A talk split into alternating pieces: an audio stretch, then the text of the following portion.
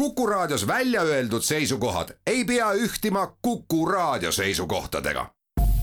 Te kuulate Kuku Raadiot.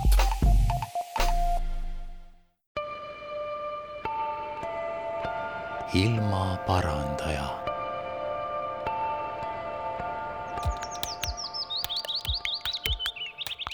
saadet toetab Keskkonnainvesteeringute Keskus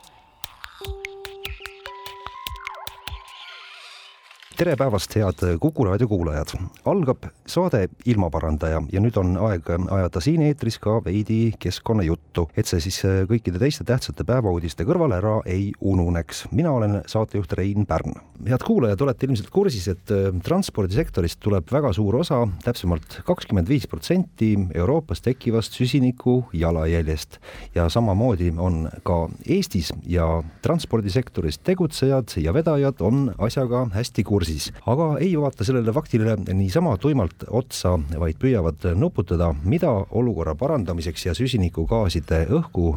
paiskamise vähendamiseks ära teha. et üldse hakata pihta, on vaja teema endale ära kaardistada ja faktid paika panna ning bussivedaja Lux Express reisijad saavad nüüd seda infot hankida, sest on see info kokku kogutud ja neile on siis äh, kättesaadav see info, kui palju üks reisija seda süsinikujälge tekitab. ja sellest teemast on nüüd äh, hea meel kuulda ja, ja teemal natuke laiemalt arutleda. stuudios on Lux Expressi Eesti ärijuht Ingmar Roos, tere päevast! tere ja tänan kutsumast!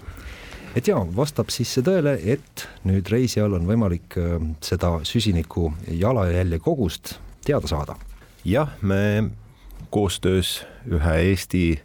loodetavasti eduka startup'iga Greenpay Technologies. mõned nädalad tagasi juba käivitasime oma kodulehel sellise lahenduse, et kui reisija Lux Expressi kodulehelt piletit ostab, siis ta näeb ka seda, kui palju äh, siis äh, süsinikuheitmeid selle reisi tegemine õhku paiskab ja samuti näeb ta ka seda, et, et kuidas see tulem siis võrdluses muude liikumisviisidega, näiteks rong, eraauto, osadel liinidel ka siis äh, seda lennukiga võrdluses näha, et kuidas see välja näeb et ja mitte siis lihtsalt see number ei ole välja toodud, vaid on kohe võrdlusmoment ka olemas, et aga jah, kohe pilet, paberipileti peale seda esialgu ei trükita, jah? paberipilet, no miks mitte, aga siin küsimus, et kas seda paberipiletit üldsegi, et Lux Expressi reisijal on äh, paberipilet pigem äh, langev nähtus, et äh, piletit näidatakse telefoniekraanil aga, aga miks mitte seda ka piletil hakata kommunikeerima, selle praegult käima tõmmatud projekti puhul me tegelikult tahamegi äh, esmalt kaardistada,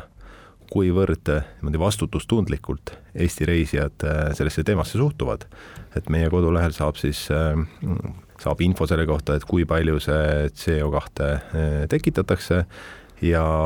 läbi siis meie koostööpartneri Greenpay on seda CO2 kogust võimalik siis ka noh, mitte olematuks muuta, aga neutraliseerida paari kuni paarikümne sendi eest, mis siis suunatakse keskkonna nii-öelda säästu loovatesse projektidesse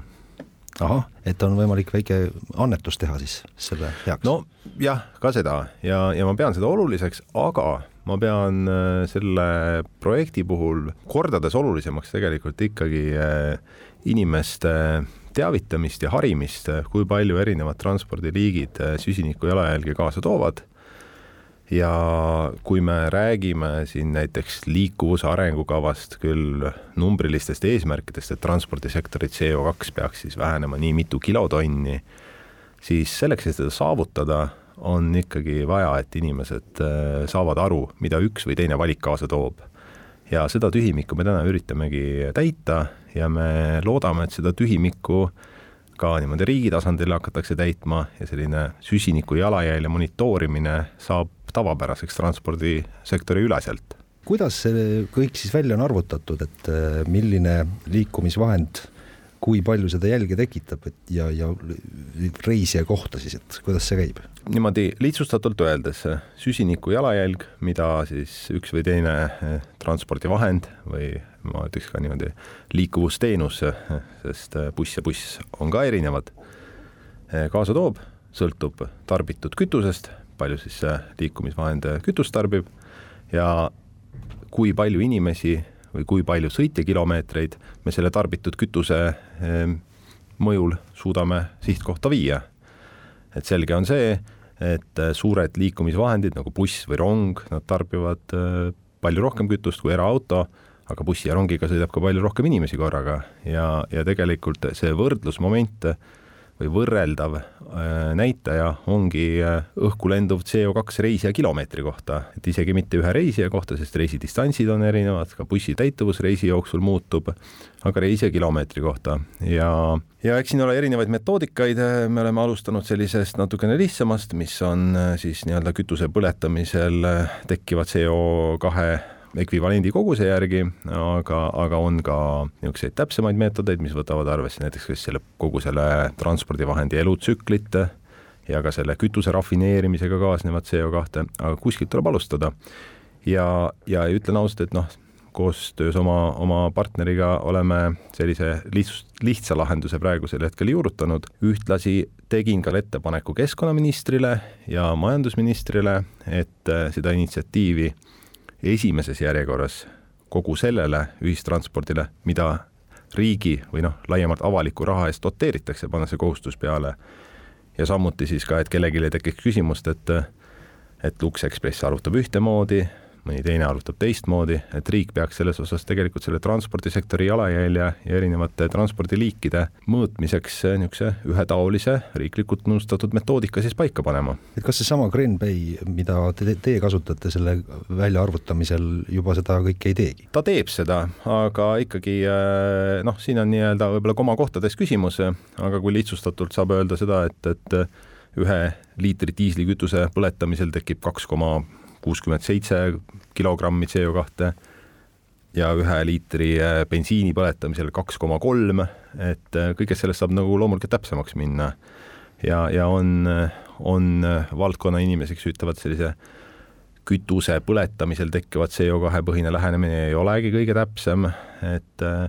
lihtsalt selleks, et ühte ja teist ausalt võrrelda, võib-olla oleks mõistlik, kui riik selle metoodika kas siis üle vaatab või, või veidikene täpsustab. tore oleks ju teada tõesti kõikide transpordiliikide, räägime siis ma ei tea, lennukist, laevast, miks mitte ka jalgrattast või, või tõuke, tõukeratast, et palju selle peale ja ühe kilomeetri või täpsemalt siis jah, antud juhul saja kilomeetri läbimiseks seda, seda CO kahte ühe inimese kohta äh, siis läheb ja siis kõigil oleks nagu, nagu ühiselt arusaadav. ja ma täpsustan ka seda, et, et kui ma siin rääkisin nii-öelda kütuse põletamisest ja kütuse kogusest, siis just see mündi teine pool, ühisliikuvus on säästlik ja keskkonnasäästlik sealjuures ka rahasäästlik sel juhul, kui äh, ühistranspordiga sõidab korraga palju inimesi või õigemini oleks öelda, sellele valitud transpordivahendile optimaalne kogus inimesi Lux Expressi jalajälg ühe sõitjakilomeetri kohta, ma julgen äh, ilma igasuguse häbitundeta öelda, on lausa suurepärane ja suurepärane on ta seetõttu, et äh, meie bussides on keskmiselt täiesti korralik arv inimesi. see näitaja, mis äh, täna siis meie kodulehel olevast kalkulaatorist välja tuleb, see on kalkuleeritud viimase kuue kuu keskmise busside täituvuse osas, kus avaldub mõju ka veel ütleme siis koroonalainest väljumises ja tarbitud kütuse alusel ja see on kakskümmend kaks grammi kilomeetri kohta. tegin ka siis meie partneriga koos kiire kontrollarvutuse, et äh, suvi on olnud, äh, suvi on olnud ühistranspordile soodus, reisijaid on palju olnud ja juuni, juuli ja esimese poole augusti puhul on see näitaja isegi ainult seitseteist grammi. et kui me võtame võrdluseks sellise säästliku sõiduauto, mis äh, tarbib võib-olla siis niisugune viis pool liitrit bensiini, siis ka kahe inimesega sõites on see sõitja kilomeetri kohta kuskil kuuskümmend viis. me oleme väga uhked selle üle, et me saame opereerida sellist keskkonnasäästlikku ühistranspordiliiki ja pidevalt on olnud juttu ka äh, ju sellest, et, et rongiga sõit on oluliselt keskkonnasäästvam kui siis äh, liinibussiga sõitmine aga nüüd äh, teie värsked arvutused näitavad, et äh, siiski bussiga on üks koma viis korda puhtam äh, sõita kui rongiga. et see suhtarv, pakun, et ei kehti nagu kogu bussitranspordi ja rongitranspordi võrdluses, vaid siis ütleme Lux Expressi teie bussipargi vanust vaadates või või siis jah, reiside täituvust vaadates, et, et nagu üldises plaanis see vist ikkagi see suhtarv sama ei ole või kuidas see on? teate, ma olen isegi nii äh kuidas ma ütlen, enesekindel, et ma ütlen, et see suhtarv tegelikult on bussi kasuks veel rohkem. ja, ja siin ka üks nii-öelda juurpõhjus, miks ma arvan, et riik võiks selle ühetaolise metoodika välja töötada. Need ronginäitajad selgitas meie koostööpartner Greenbay siis äh, Elronilt saadud teabenõuete kaudu välja ja minu, minu teada nad said selle info Tallinn-Tartu rongi kohta, mis on rongiliinides kõige parema täituvusega ja taaskord, mida parem täituvus ühissõidukis, seda väiksem süsiniku jalajälg. Aga vaadake, ütlen ka selle välja, et äh, rongiliikluse osas on äh, avalikkusele antud signaalidega, eriti just diiselrongide osas, äh, veidikene nagu kärbsed pähe aetud. et igasugune rööbastransport ja igasugune rongiliiklus ei ole alati kõige väiksema CO2 jalajäljega, selleks peab seal rongis olema ka palju sõitjaid ja no kõik te teate praegusel hetkel, mis Elroni rongide ümber käib, et reedeti ja pühapäeviti on rongid puupüsti täis, inimesed seisavad tualettruumides püsti. Teine pool on see, et seal peab olema püsivalt palju reisijaid, siis on rongiliiklus efektiivne. Et äh, nii nagu Tartu Postimehes tegelikult on seda Elroni rongide täituvust just äh, räägitud, siis siin on ka, ka Elroni juht öelnud, et äh, tipptunni nõudluse puhul oleks mõistlik saata liinile küll rohkem ronge, aga see tähendab seda, et väljaspool tipuaega oleksid need rongid veel rohkem tühjemad ja selline korraldus on ebaefektiivne. kui ma siin viitasin ettepanekule või, või pöördumisele majandusministrile ja keskkonnaministrile, siis üks pool tegelikult on sealjuures ka see, et kui me seda CO2 monitooringut jooksvalt teeme, siis see aitab transpordikorraldajatel teha mõistlikke otsuseid, et nõudlustasemele sobilik transpordiliik osutaks seda teenust siis. see on muidugi jaa, pikem, põhjalikum teema, aga rongides vist on küll niimoodi jah, et on need tipptunnid, eks ole, hommikul ja õhtul ja siis veel äh, reeded ja pühapäevad, kui on, kõik on täis, aga, aga ülejäänud aja nädalast ja päevast äh, näeme, et, et rongid on ikkagi üsna tühjad. aga bussidesse see niimoodi ei ole või? Vaadake, erinevus on selles, et äh, rong on väga palju suurema kapitalikuluga liikuvusteenuse liik. ka bussides on loomulikult äh, see sõidunõudlus, mis avaldub reede õhtul kella neljast kella kuueni, on noh, siin puusalt tulistanud kolm korda kõrgem kui see sõidunõudlus, mis on teisipäeval kella kümnest kaheteistkümneni liikuvussektoris on see nõudluse sesoonsus aasta lõikes kui ka nädala lõikes väga hüplik ja ka päeva lõikes, et see võib seal kolm korda erineda, aga siin tulenebki see pool, et äh, lihtsalt buss on väiksema kapitalikuluga ja nüüd, kui jättes CO2 kõrvale, siis on mõistlik lihtsalt äh, noh, bussi on odavam hoida madala nõudluse ajal seisvana kui rongi. Ja, ja, ja siit see pool tulebki, et kui me näiteks raudteeliikluses äh, disainiksime seda teenuse mahtu vastavalt äh, reede õhtusele nõudlusele, siis on ju selge see, et väljaspool tipunõudluse aega, kui täna on noh, ühissõidukid tühjad, oleksid nad veel tühjemad ja see tähendab, et kasvab nii ühe reisija vedamise kulu kui ka kasvab CO2. võrdlus rongisõidu ja bussisõiduga on muidugi oluline, noh, selgeks teha, aga kokkuvõttes on emba-kumba valida reisija süda ikkagi rahul, kui ta oma auto koju jätab, et, et see on ikkagi autoga sõit on, on ikkagi kõige kulukam ja peaks andma nüüd praeguse kõrgete kütusehindade taseme juures ikka eriti kohe, kohe ka tunda. annab tunda ja, ja kütuse hind, mis hakkas äh, uusi saltosid viskama kuskil äh, märtsi alguses, tõi ka sõidunõudluses äh, tuntava kasvu. aga seda, et auto nüüd on noh, igas tasandis paha, ka sellele ma ei kirjuta alla. mõistliku kütusetarbimise näitajaga sõiduauto, kui sellega sõidab kaks või enam reisijat, kuskil maapiirkonnas võrdluses bussiga, kus sõidab kuus inimest, siis noh, lihtne kalkulatsioon jällegi kütuse tarbimise põhiselt näitab, et kui seal buss kulutab mingisugune kakskümmend viis liitrit kütust ja, ja auto vurab seal viie-kuue liitriga, siis ega niisuguse madala nõudlusega piirkondades äh, ei saa alati öelda, et inimesed sõitke bussiga, et see on äh, teene keskkonnale. ja, ja taas ütlen, et, et see CO2 monitoorimine sõitja kilomeetri kohta oleks selle vaatenurga pealt ikkagi väga oluline teema, millega riik peaks tegelema, et kuidas me selle ühe kolmandiku CO2 transpordisektoris kokku tõmbame, kui me mõnes mõttes nagu pimeduses kobame. mõistlik oleks siis ikkagi kombineerida seda, et kui noh, kui tavaliselt ikka see auto käima pannakse, siis sõidetakse ka lõppkohta välja et äh, kui vähegi see bussipeatus või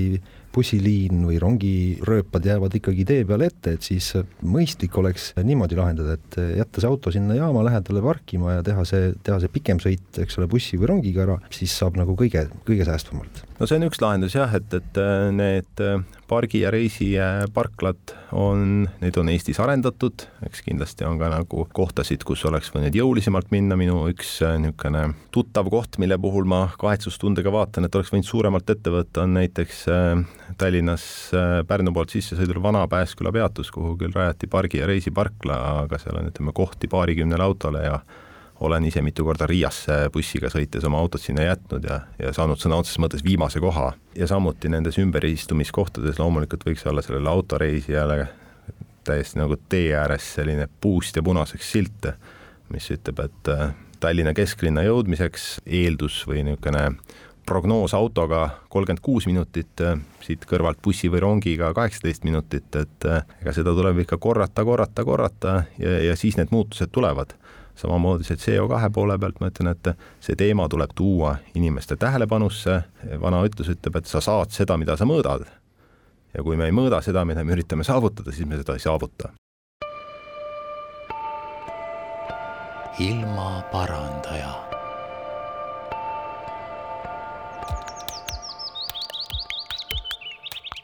saadet toetab Keskkonnainvesteeringute Keskus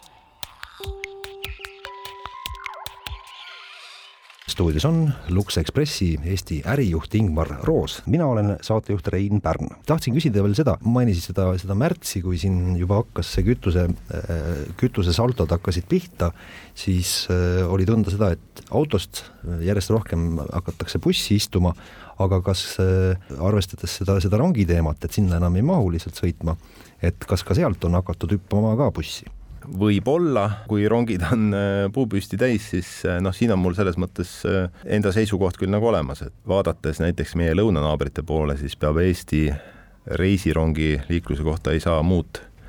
muud iseloomustust öelda, et Eesti riik on ikka seda kiirelt ja jõuliselt arendanud ja kvaliteet on täna täiesti korralik, aga reisirongi liikluse puhul on Eesti selles mõttes nagu pretsedent, et, et kui me ennast lõunanaabritega vaatame, siis on meil kvaliteet väga palju parem ja mitte halvem ka kui meie põhjanaabritel ja Skandinaavias, aga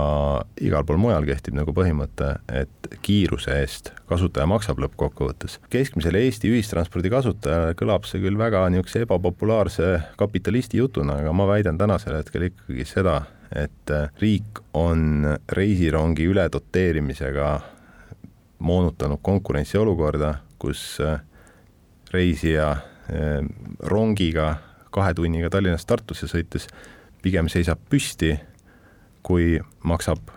kallimat bussipileti hinda, et seda olukorda, kus bussipileti hind on kallim kui rongipileti hind, eriti kui rong on mugav ja kiire, seda nagu väga ei leia Euroopast kuskilt. ütleme, minu seisukoht on selgelt see, et ega ma nüüd ei arva, et, et et Eesti riik peaks eh, rongireisijat eh, siin tänase inflatsiooni tingimuses alatult nöörima aga see pileti hind äh, võiks olla nagu tasemel, kus äh, kommertsbussiliiklus allpool suudaks oma mahtu suurendada ja, ja vastavalt nõudlusele kohandada. tänane see pudelikael ongi tegelikult selles, et äh, kommertsvedajad, kellele kütuse hinna kasv on on selga tulnud, ei ole lihtsalt äh, selle tänases äh, kulubaasis ka võimelised juurde tulema. kõik me tahame, et bussiga või rongiga sõidaks rohkem inimesi, kui, kui see oleks autos, et äh, eks siin teemasid ole mitmeid ja arvata võib, et nüüd eelolevate valimiste perioodil kõik need võetakse jällegi pulkadeks lahti ja hakatakse siin arutama, et on, on teil miskisugune konkreetne hea kuidas öelda siis valem lauale välja panna, et kuidas arendada kõiki transpordiliike nii, et see keskkonnale kasuks tuleks? no üks nendest asjadest ongi täpselt see, mille ma olen täna kahele ministrile ettepanekuna lauale pannud, et eh, hakkame seda keskkonnamõju mõõtma. aga teine pool, mis ma ütlen, et üldine selline ühisliikuvuse planeerimise pool on, et püüelda lahenduste poole, kus piletitulust toimiv ühistransport ei ole käsitletav sellisena, et tore on, kui on, aga see õige ühistransport on see, kuhu riik hästi palju peale maksab. Mm.. meil on olnud äh, siin äh, üle kümne aasta niisugust kasvavat majandust ja ühistranspordisektorile suunatavad dotatsioonid on kasvanud ja kasvanud ja kasvanud ja, ja mina täna selle niisuguse piletitulust toimiva haru ühe vähese esindajana või viljelejana ütlen, et see on ikkagi üleinvesteerimine on toimunud ja, ja selle transpordivõrgu sellisel kujul ülalpidamine muutub Eesti riigile lihtsalt üle jõu käivaks, et seda rohkem koostööd kommertssektoriga, et saaks piletitulupõhiselt korraldatud nii palju kui võimalik ja jääks, jääks siis avalikul sektoril jaksu korraldada seda transporti seal, kus, kus muul moel toimima ei saa. aga et ikkagi inimene tahaks võimalikult palju ühistranspordiga sõita ja auto koju jätaks, et mis te ise näete, mida näiteks bussiliikluses ära teha saab või, või on, või on võimalik ära teha, et äh, noh, jällegi see noh, sõiduaegade küsimus kindlasti tuleb ette, et kui on vaja ikkagi minna kellaaja peale ja buss käib kaks korda nädalas, on võib-olla liialdatud äh, või liiga tehtud, aga noh, ikkagi harva, kaks korda päevas. eks me peame ikka vaatama näkku ka sellele, et Eesti on suures osas hajaasustuspiirkond ja mingisugust nagu heurekat äh, kohtades, kus vähe inimesi elab, äh, on raske luua, on räägitud siin nõudepõhisest ühistranspordist ja see on üks meede, mis, mis mitmel pool kindlasti nagu aitaks olukorda lahendada tellid omale bussi nagu siis koju? No tellid omale loodetavasti ikka võimalikult väikese süsiniku jalajäljega ja võimalikult soodsa kuluga liikumisviisi, aga tõesti kohtades, kus see nõudlus on selline, et kipub olema, et, et käiakse maainimesele bussi näitamas, et ta ikka aru saaks, et riik temast hoolib, et seal asendada see nõudepõhise liikumisega. muide, ma siinkohal toon välja ka selle, et näiteks Taanis on äh, on tõesti selline sõidujagamisteenus, et kui meil on sõidujagamisteenus siin Eestis niimoodi, see termin tegelikult igale mõtlevale inimesele on aru saada, et see on niisugune taksoteenus, mis on surutud sõidujagamisteenuse raamidesse, siis Taani riigis on üks väga huvitav sõidujagamislahendus, selle nimi on GoMore, kus siis iga eraisik saab oma niisuguseid kas siis äh, erakorralisi pikemaid sõite või igapäevaseid niisuguseid kommuutersõite või pendeldamissõite üles panna ja otsida omale kaasreisilisi. see platvorm korraldab siis ka selle niisuguse kulu jagamise ja on loodud ka niisugune maksuraamistik, kus siis sõidujagamisteenuse pakkuja, ta saab selle sõidu jagamise puhul noh, sisuliselt nii-öelda jagatud kütusekulu ja, ja mõne sendi oma nii-öelda auto ülalpidamise osas, aga, aga ta on surutud sellistesse raamidesse, kus see ei ole nii-öelda kommertsialiseeritud, et, et hakatakse sellega nagu äri tegema, et äh, tõeliselt sõidujagamisteenus. nuti nutihääletus nagu? sisuliselt nutihääletus jah, et, et äh, noh, näiteks mina käies äh, siit Saku vallast tööl siis ähm, saaksin seda pakkuda enamikel päevadel ja võib-olla leiaksin oma kodukandist mõne tuttavagi selle peale. et kui on teada, et on, on niikuinii linna tulek ja õhtul enam-vähem samal kellaajal ka koju minek, et siis ju miks mitte seda kaaselanikega siis ka jagada. tulles nüüd kogu selle jutu alguse juurde, et praegu jah, kakskümmend viis protsenti Euroopa Liidu kasvuhoonegaaside heitekogusest tekib äh, ühistranspordi või transpordisektoris laiemalt, äh, muidugi bussiliiklus sellest kindlasti kõige suuremat osa ei võta, eks siin on muidki tegelasi, äh, laevad, lennukid, veokid, siis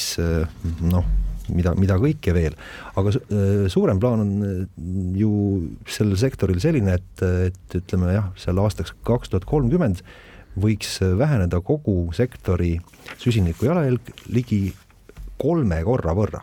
et äh, mil, mismoodi see plaan on siis äh, või, või millest see kokkuhoid võiks tulla või vähenemine? no selle valdkonna ühe esindajana ma seda kogu tervikplaani nagu ikkagi ei, ei taju, et aga kindlasti ma tajun seda, et see on niisugune suur väljakutse, ülimalt suur väljakutse. või see on eesmärk nagu, mitte siis teadmine? E, jah, ega selles mõttes ma ütlen, et minul ei ole kindlat teadmist, et seda suudetakse, aga ma ütlen, et selleks, et seda suuta, siis tuleb äh, teha äh,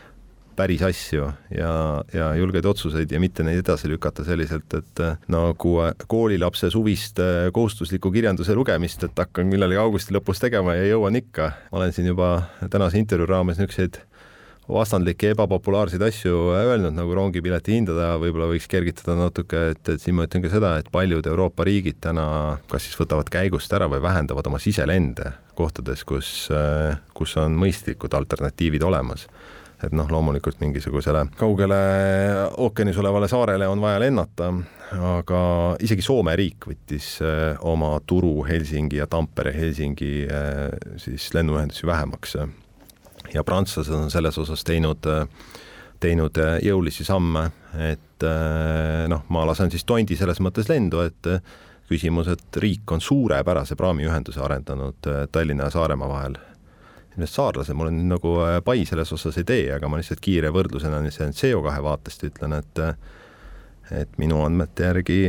ühe lennureisija kohta Tallinn-Kuressaares lendamises ma arvutasin, et kahe tuhande kahekümne esimese aasta andmete tarbitud kütuse teenindatud reisijate järgi on see jalajälg lennukiga sõites üle kuuekümne kilo äh, CO2 ja bussiga on see neli koma kaheksa just selliseid asju me peame omale teadvustama. loomulikult ma saan aru, et äh, kolme tunni ja neljakümne viie minutise reisi asemel äh, bussi või autoga on, on äh, väga mugav poole tunniga lennata, aga noh, samas ma ütlen ka seda, et, et arvestades, kui toimekindel on olnud praamiühendus, siis võiks ju ka küsida, et aga miks me siis Valgasse ei lenda. eks see jah, see kiirus versus siis kõik muud asjaolud, eks ta kaalub nii mõndagi üles, aga eks see jääda siis sinna majandusministeeriumi poole nuputamiseks, aga selge on see, mida ütlesid ka välja, et äh, keskkond igal juhul äh, kiidaks, kui lennukiga sõidetaks vähem. niimoodi ta on jah, et, et äh, see on ammu teada-tuntud fakt, et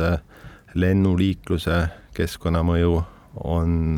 erinevatest transpordiliikidest ikka kõige suurem. ja samamoodi ilmselt on ka praamiliiklusega versus lennuliiklusega mujal, näiteks Soome ja Tallinna vahel et või, või soo-, Tallinna, Stockholmi vahel, et, et kui tahta teha keskkonnasõbralik valik, siis on mõtet äh, sõita praamiga. minu, minu parimate teadmiste juures küll ja, ja merendussektoris on, on ju ka mitmeid muudatusi toimunud, et äh, ammuilma raske kütteõliga ja, ja laevasid asendatud, et suur osa Tallinna-Helsingi vahelisi laevasid minu teada täna sõidavad äh, veeldatud maagaasiga. mida Lux Express oma masinapargi osas plaanib selles mõttes ära teha, et kas, kas või kui palju teil juba neid gaasibusse kasutusel või kaugel on mõtted elektribussi teema osas? meil äh, kaugliikluses, noh, Lux Express kuulub ühte veidi suuremasse kontserni, kes ka maakonnaliiklust teenindab, äh, aktsiaselts Sebe nime all siis, et Sebes on meil tõesti äh, gaasibusse täna kasutusel nii Pärnu linnas kui Harjumaal. Lux Expressi bussid täna sõidavad kõik vanal, heal, aga räpasel diislikütusel, nagu öeldakse ja tegelikult häda on selles, et äh, innovaatilise ettevõttena me vaatame pidevalt erinevaid võimalusi ja, ja mul siin septembri alguseski on ühe bussitootjaga LNG kaugliinibussi tutvustus plaanis. samamoodi ootame pikisilmi, et vesinikbussidel noh, nii ka tuleksid, ütleme siis toimivad töökindlad lahendused, mille puhul ma usun, et me paraku oleme kuskil kümne viieteist aasta kaugusel ikkagi nendest asjadest. aga häda on selles, et kaugliinibussi puhul elektribuss ei ole siiski keskkonnasäästlik äh, vahend, sest äh, üks pool on seal see, et busside sõidudistantsid on niivõrd pikad, et see akude kogus, mis seal bussi peal peaks olema, esiteks teeb selle bussi raskeks, mis tähendab, et energiat tarbitakse kokkuvõttes äh, rohkem kui see oleks äh, diisli nii-öelda kütuse puhul. Ja teine pool on see, et, et äh, noh, mille osas on ka väga vastandlikke seisukohtasid, et ega see liitiumtehnoloogial põhinev akude tootmine kõige rohelisem tegu keskkonnale ka ei ole. Aga lihtsalt kokkuvõttes niisuguse bussiettevõttena ma ütlen, et fakt on see, et kaugliikluseks sobilike busside lahendusi bussitootjatel täna pakkuda ei ole. Ja just nendel põhjustel, mis ma mainisin, et siin on ka see erinevus, et linnaliikluses suudetakse selle kiirendus, pidurdus, kiirendus, pidurdus, seda pidurdamisel eh, tasa teha, tasa teha või seda energiat uuesti kokku koguda, eh, seal on nii-öelda, käib see energiatarbimise tasandamine, aga kaugliiklusbuss, mis sõidab ühtlasel kiirusel, ikkagi niimoodi lineaarselt tõmbab need akud tühjaks ja need akud peavad väga suured olema ja siin väga häid alternatiive pole. lähimad alternatiivid, mis ilmselt ikkagi tulevad, on jah, LNG bussid, mille puhul tänast gaasi niisugust kriisi arvestades no loodame, et see gaasikriis on ajutine. ja, ja sellele järgnevalt siis millalgi vesinik, kui vesiniku tootmise ja, ja transportimise võimalused arenevad sinnamaani, et, et ta tehtav on teil on selles mõttes keerulisem, et, et praegu lahendusi on vähe ja needki pole veel kõige efektiivsemad, et aga, aga ma ei tea, diislite osas, kas ka noh, mingisugused arengud on, et saab ju soetada säästvamat diislimasinat või mingit kombi-, kombineeritud lahendust või midagi niisugust? jaa, siin on nagu need arengud kahes, kahel rindel, ma ütleks niimoodi, et üks pool on see nimetada seda Hayback diisliks, aga noh, sisuliselt äh, ikkagi nii-öelda äh, kõrge biokomponendi sisaldusega diislikütuste kasutamine, kuhu poole liigutakse, ja teine pool on äh, aasta-aastalt aina säästlikumate busside, et praegusel hetkel peale ütleme, koroonapandeemia jooksul erinevad bussitootjad, kellega ma olen suhelnud, et keegi ei ole pandeemiale vaatamata käed rüpes istunud ja, ja näen, kuidas erinevad bussitootjad on täna välja tulnud äh, järgmise põlvkonna bussidega, millega siis erinevatel meetoditel lubatakse seal kuni kümneprotsendilist äh, kütusesäästu. Ja selleks kasutatakse igasuguseid huvitavaid lahendusi, näiteks suurtel kaugliinibussidel on peeglid, mis on üsna suure, suure õhutakistusega, et üks lahendus on see, et peeglid võetakse ära, asendatakse väikeste kaameratega ja sellega võid säästa suurel kiirusel sõites umbes viis protsenti kütusest. kuigi bussisektoril ei ole või noh, kaugliiklussektoril ei ole niisugust alternatiivkütuste heureka lahendust, siis äh, vähehaaval kõikidest kohtadest, kus on võimalik natukene lihvida, see töö ikkagi käib ja see suur Lux Expressi buss, mis on viisteist meetrit pikk, näeb ikkagi niisugune suur maanteelaev välja ütlen, et pikkadel distantsidel kulutab selline buss kakskümmend kuus liitrit diislikütust sajale. ja kui me selle raames veame viiskümmend kuus reisijat, siis äh, reisija kilomeetri kohta on see igati hea tulemus ja, ja ainuüksi äh, ikkagi selle vana hea diisliga sõitva bussiga, bussi valimine ongi juba keskkonnateadlik otsus. jah, aga, aga üldiselt, kuidas teil sektoris see areng on, et äh, noh, loodetavasti neid selliseid vanu ja tossavaid busse, mm, kus sõna otseses mõttes tuleb äh, musta asja tuleb sealt tagant välja ja ei tahaks siis sinna bussile lähedalegi minna enam. et kas neid ikka jääb järjest äh, vähemaks ja need tõesti viiakse romulasse ja bussiparke ka pidevalt uuendatakse, et sellist ka visuaalset tossu on bussisektorist vähem tulemas? absoluutselt äh, diiselmootoritega sõidukitel on siin noh, juba, juba üheksakümnendate täitsa lõpust erinevad niisugused eurostandardi tasemed, mis on ja sealt euro ühest on liigutud, täna oleme me euro kuueni jõudnud ja euro kuus diiselmootor on niisugune paras kosmoselaev juba, et seal on kütuselisand AdBlue, mis aitab seda kütuse tarbimist vähendada. Ja erinevad meetodid, et see diiselmootor on küll üsna keeruliseks läinud, aga aga kui diislikütuse hind ja noh, üldiselt maailmas energiakandjate hind äh, ainult kasvab ju, siis äh, üks äh, mõistlik ettevõte ei saa täna endale lihtsalt, lihtsalt lubada kütust kulutavat ossava bussi kasutamist. täie julgusega ütlen, et sellised kommertsstimulaatorid ei ole alati halvad ja, ja ei, ei tähenda seda, et, et see nii-öelda keskkonnale kahjulik oleks, et kaugbussiliikluses ma ütlen, et see see äriline huvi just suunabki keskkonnalahe, keskkonnasäästlike lahenduste poole. selge, väga tore, et me saime nüüd peatuda sellel transpordisektori süsinikujälje teemal ja, ja praegu siis Lux Expressiga bussidega sõitjad saavad selle info omale nüüd kätte, et palju nemad siis oma ühe selle sõiduga tekitasid seda jälge ja võrreldasid teiste transpordiliikidega. praegu selgub, et bussiga reisimine on igal juhul selle andmealuse põhjal kõige säästlikum variant, et siis saavad siin ka teised nagu hakata natuke mõtlema, et mida nemad siis ka ära teha saavad, et, et vähendada seda kasvuhoonegaaside heitekogust. ja saime siis ka laiemalt bussisõidu valdkonnas toimuva kohta arutleda, et väga-väga põnev oli. ma väga tänan Lux Expressi Eesti äri, ärijuht Ingmar Roos, et said meile stuudiosse tulla ja soovin siis jõudu juurde ja, ja jääme ootama huviga uusi vahvaid keskkonnasõbralikke nutikaid lahendusi, mis teil plaanis on. jah, aitäh teile. ilmaparandaja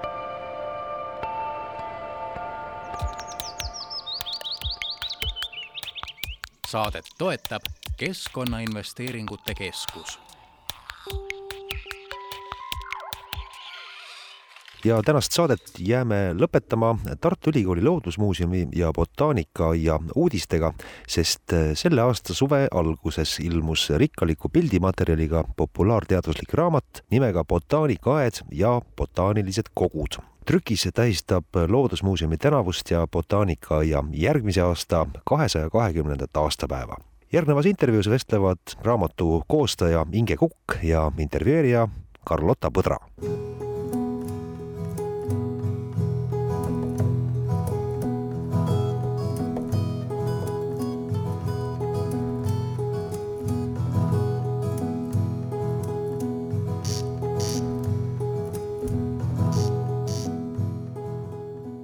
kas botaanika ja raamatu koostamiseks oli vaja ka arhiivides palju uurida ja otsida? oli küll ja see oli isegi väga huvitav ja tuli välja täiesti uusi fakte, mida nagu ei ole seni avaldatud ja ma neid natuke proovisin ka sinna raamatusse panna, aga ma ei tahtnud ajada seda ei paksuks, ei tõsiseks, vaid tegelikult mõte oli tekitada selline eh, raamat, et kui sa võtad selle kätte, kätte, siis see peaks ahvatlema sind tegelikult botaanikaaias ringi käima ja neid asju koha peal vaatama, sellest ka see pildivalik ja hea fotograafi ilus töö, et ta oleks nagu kergem lugejale, selline rohkem selline laia tarbe ja isu tekitamise raamat. aga mida siis raamatust täpsemalt lugeda saab ja sa mainisid juba, et sa korjasid välja ka mingid põnevamad faktid, äkki sa nimetad ka mõnda? No üks äh, põnev fakt oli näiteks arhiivist, mis ma leidsin, alati on noh, hästi palju on räägitud botaanikaaia Krause-aegsetest ehitustest, et see on siis botaanikaaia algusaastad, aga kui juba aastakümneid oli sellest esimesest perioodist mööda läinud, et siis äh, Vene keisrinna kinkis äh, kakssada kuuskümmend kolm troopilist taime, enamus orhideed ja no selleks siis tuli kasvumaja eraldi ehitada, et esimene troopikataim taimede kasvumaja siis, et need taimed kuskile paigutada ja noh, loomulikult siis keisrikojast kuraatori kaudu siis see raha ka väga kiiresti tuli, et see kasvumaja püsti saaks panna. see oli siis tuhande kaheksasaja kahekümnendatel aastatel saadi kingitus ja selle järel siis ehitati uus kasvumaja. ja kas see oligi troopikaala nii-öelda alge. jaa, see oli troopikaala alge, sest eh, noh, ilmselt troopilisi taimi oli ka selles suures kasvumajas, selles Krause-aegses kasvumajas, aga seal oli probleem selles, et eh, esimene projekt oli küll väga uhke, eh, esiklaaspind oli kaldu lõunaküljele pööratud, uhke kaarduv katuse räästas keerdus siis sinna selle klaasseina peale Krausel oli ehitatud äh, kummalgi kasvumaja tiival vaheseinad ja katus ei olnud klaasist, vaid oli läbipaistmatu ja selgus, et ikkagi taimedel on seal pimedavõitu, nii et siis viiskümmend aastat hiljem hakati siis totaalselt ümber ehitama, tehti siis klaaskatus ja see kaldpind tehti vertikaalseks siis. Et asi oleks nii-öelda lihtsam, sest talveks pandi kõikidele nendele klaasseintele topeltaknad peale kas sul on, Inge, veel mingeid põnevaid fakte jagada? jah, ja väga-väga põnev fakt oli ka see, et eh, kui botaanikaaias veel puud olid väikesed, kui saadi, tähendab, sinna jõeäärsele krundile koliti tuhat kaheksasada kuus, seitse, siis eh, tehti siis vaateplatvorm sinna ja, ja ma leidsin väga toreda gravüüri mis on siis, kujutabki seda vaateplatvormi, aga tuhande kaheksasaja kolmekümne kuuendal aastal lõhuti see platvorm ära, sest öeldi, et enam ei ole midagi vaadata, et puud on nii suureks kasvanud. Väga huvitav, aga mida veel botaanikaaia raamatust lugeda saab? seal saab vaadata, kõigepealt on noh, nagu üldine ajalooline ülevaade aga mõte oli ka see, et mitte seda väga nii isikute keskseks teha, sest väga palju kuulsaid professoreid, botaanikuid on olnud, eriti üheksateist sajandil, botaanikaaia juhid ka ühtlasi. et see isikute osa on nagu tagasihoidlikum ja ainult mõned väljapaistvamad nimed on esitatud siis väike ajalooline ülevaade nagu hoonetest e, ja loomulikult on siis aiaplaan ka tänapäevane aiaplaan ja ajalooline aiaplaan, et neid on tore võrrelda, aga tänapäevase plaani järgi sa saad tegelikult aias ringi käia. Ja siis on igast aia osakon-, osakonnast on siis eraldi nagu väike peatükikene ja iga osakonna sees siis aednikud ise valisid siis välja kõige sellised silmapaistvamad või millegi poolest erilised taimed, mis on siis pildi ja väikese tekstiga siis esile tõstetud, et see on siis nagu aednike panus siia raamatusse botaanikaaias on tegelikult peale kasvuhoonete ja dendropargi on üksteist avamaa osakonda nagu või avamaa äh, kollektsiooni. Ja need on siis eraldi toodud välja, nii et kõigepealt on nagu väike jutt sellest kollektsioonist ja kollektsiooni pilt. Ja, ja siis on enam-vähem nii kolm-neli huvitavamat taime selles, selles kollektsioonis eraldi toodud esile ja kõik need üksteist osakonda on siis esindatud ja raamatu lõpuosas on siis eraldi peatükk siis botaanilistele kollektsioonidele, mis on tegelikult esimest korda nagu sellises äh, tavalugeja teabesse toodud, et et on küll teadusartikleid kirjutatud, aga sellist üldist tähelepanu nagu niimoodi populaarteaduslikus vormis ei, ei olnud veel seni. kas see taimevalik oli raske, arvestades, kui tohutult palju taimi on botaanikaaias? Nad valisid tegelikult märksa rohkem neid välja, aga üks asi oli ka, et raamatut ei saa ikkagi väga paksuks ja raskeks teha. ta on sada kolmkümmend kaheksa lehekülge, aga ta on väike formaat ja, ja siiski suhteliselt mõnus nii-öelda kotti panna või aias temaga ringi käia. ja lõpuvaliku muidugi tegin siis äh, mina vastavalt siis mahtudele ja tegelikult ka sellele, et mis andis nagu ilusa pildi välja. osa taimi eelmine suvi näiteks ei saanud pildistada, sest oli niisama kuiv nagu nüüdki, et kas mõni taim lihtsalt ei läinud üldse õitsema kunagi. kindlasti laiendab tavakülastaja silmaringi ja eriti lugeda seda ajaloolist tausta on hästi põnev, et mis on need suuremad erinevused ajaloolise siis plaani ja nüüd tänapäeva botaanika ja plaani osas? tegelikult kui Krause ja aednik, õpetatud aednik Veinmann, kes oli Tartu Ülikooli tulnud siis Viinist koolitatud aednikuna, hakkasid seda aeda Emajõe äärde kujundama, siis tänapäeval isegi aerofotode pealt on näha see nendeaegne jalgteede võrgustik, sest siis tehti ka selline tiik saarekesega, nagu see praegugi on, et seal oli küll mingi tiik soostunud kallastega enne olemas, vanaaegne keskaegne vallikraav oma veesilmadega, aga see kujundus nagu aia üldplaani kujundus, et see on tegelikult ka tänapäeval väga hästi jälgitav, et see kõik on tegelikult kakssada aastat tagasi paberile pandud millele muidu raamatus on kõige rohkem rõhku pandud? No minul endal muidugi noh, minu enda eriala taustast äh, lähtuvalt ma ei ole botaanik ja see on tegelikult mulle tundub üldse, et esimene mitte botaaniku kirjutatud botaanikaaia raamat et äh, mulle oli kõige huvitavam muidugi tegeldagi nende aiaplaanide ja, ja, ja nende ehitistega, mis seal kunagi kõik on olnud, et Luige maja, uisupaviljon, lüüsihoone, kasvumajad, siis kus asusid kunagi peenrad, kus oli botaanikaaia direktori juurviljaaed ja loomad ja nii edasi, nii edasi, et selline ajalooline rännak, aga kahjuks see kõik raamatus ei ole, et materjali lihtsalt mulle jäi endale nii palju üle, et sealt tuli paratamatult valikuid teha, aga noh, see, see oli nagu põnev, aga tegelikult noh, põhiosa ongi ikkagi nende kollektsioonide ja selle pildimaterjalil, et, et tutvustada kõiki neid kollektsioone. Ja osad on siis ajaloolised nii-öelda kakssada aastat tagasi, kakssada kakskümmend aastat tagasi juba loodud, mis muidugi on läbi ajaloo ikkagi muutunud nii taimevaliku kui kujunduse poole pealt, aga osa on siis päris nagu uued aiad, mis on rajatud, et Äh, kõige uuem siis on samblaaed, mis on tegelikult ka haruldane üldse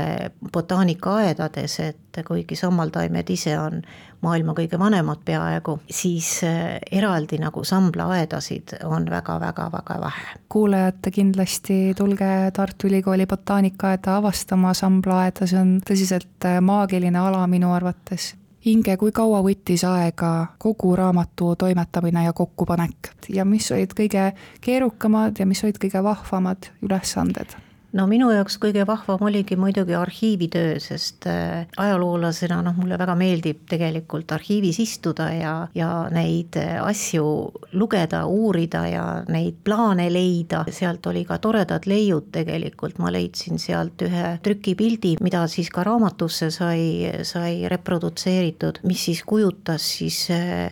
tuhat kaheksasada seitsekümmend kaks rajatud äh, botaanika muu-, muuseumi eelkäijad nii-öelda nimega botaanikakabinet. et milline see sellel ajal ikkagi välja nägi üheksateist sajandi lõpul, et noh, see niisugust pilti nagu ei, ei olnud siiamaale nagu säilinud, ei, ei teadnud, et noh, see oli päris, päris tore, et kuidas valgetes kappides olid siis herbaarlehed välja pandud, seintel olid herbaarlehed ja siis olid noh, töölauad, kus siis ilmselt siis äh, uuriti ja, ja olid mikroskoopid mikroskoobid ja niisugune teadustöö, et teadus ja muuseum oli siis nagu ühes ruumis, aga selline väga tore leid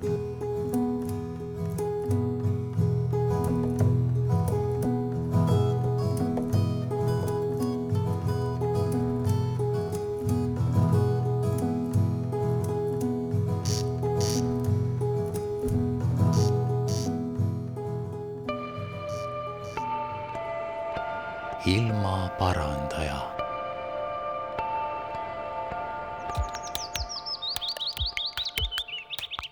saadet toetab Keskkonnainvesteeringute Keskus.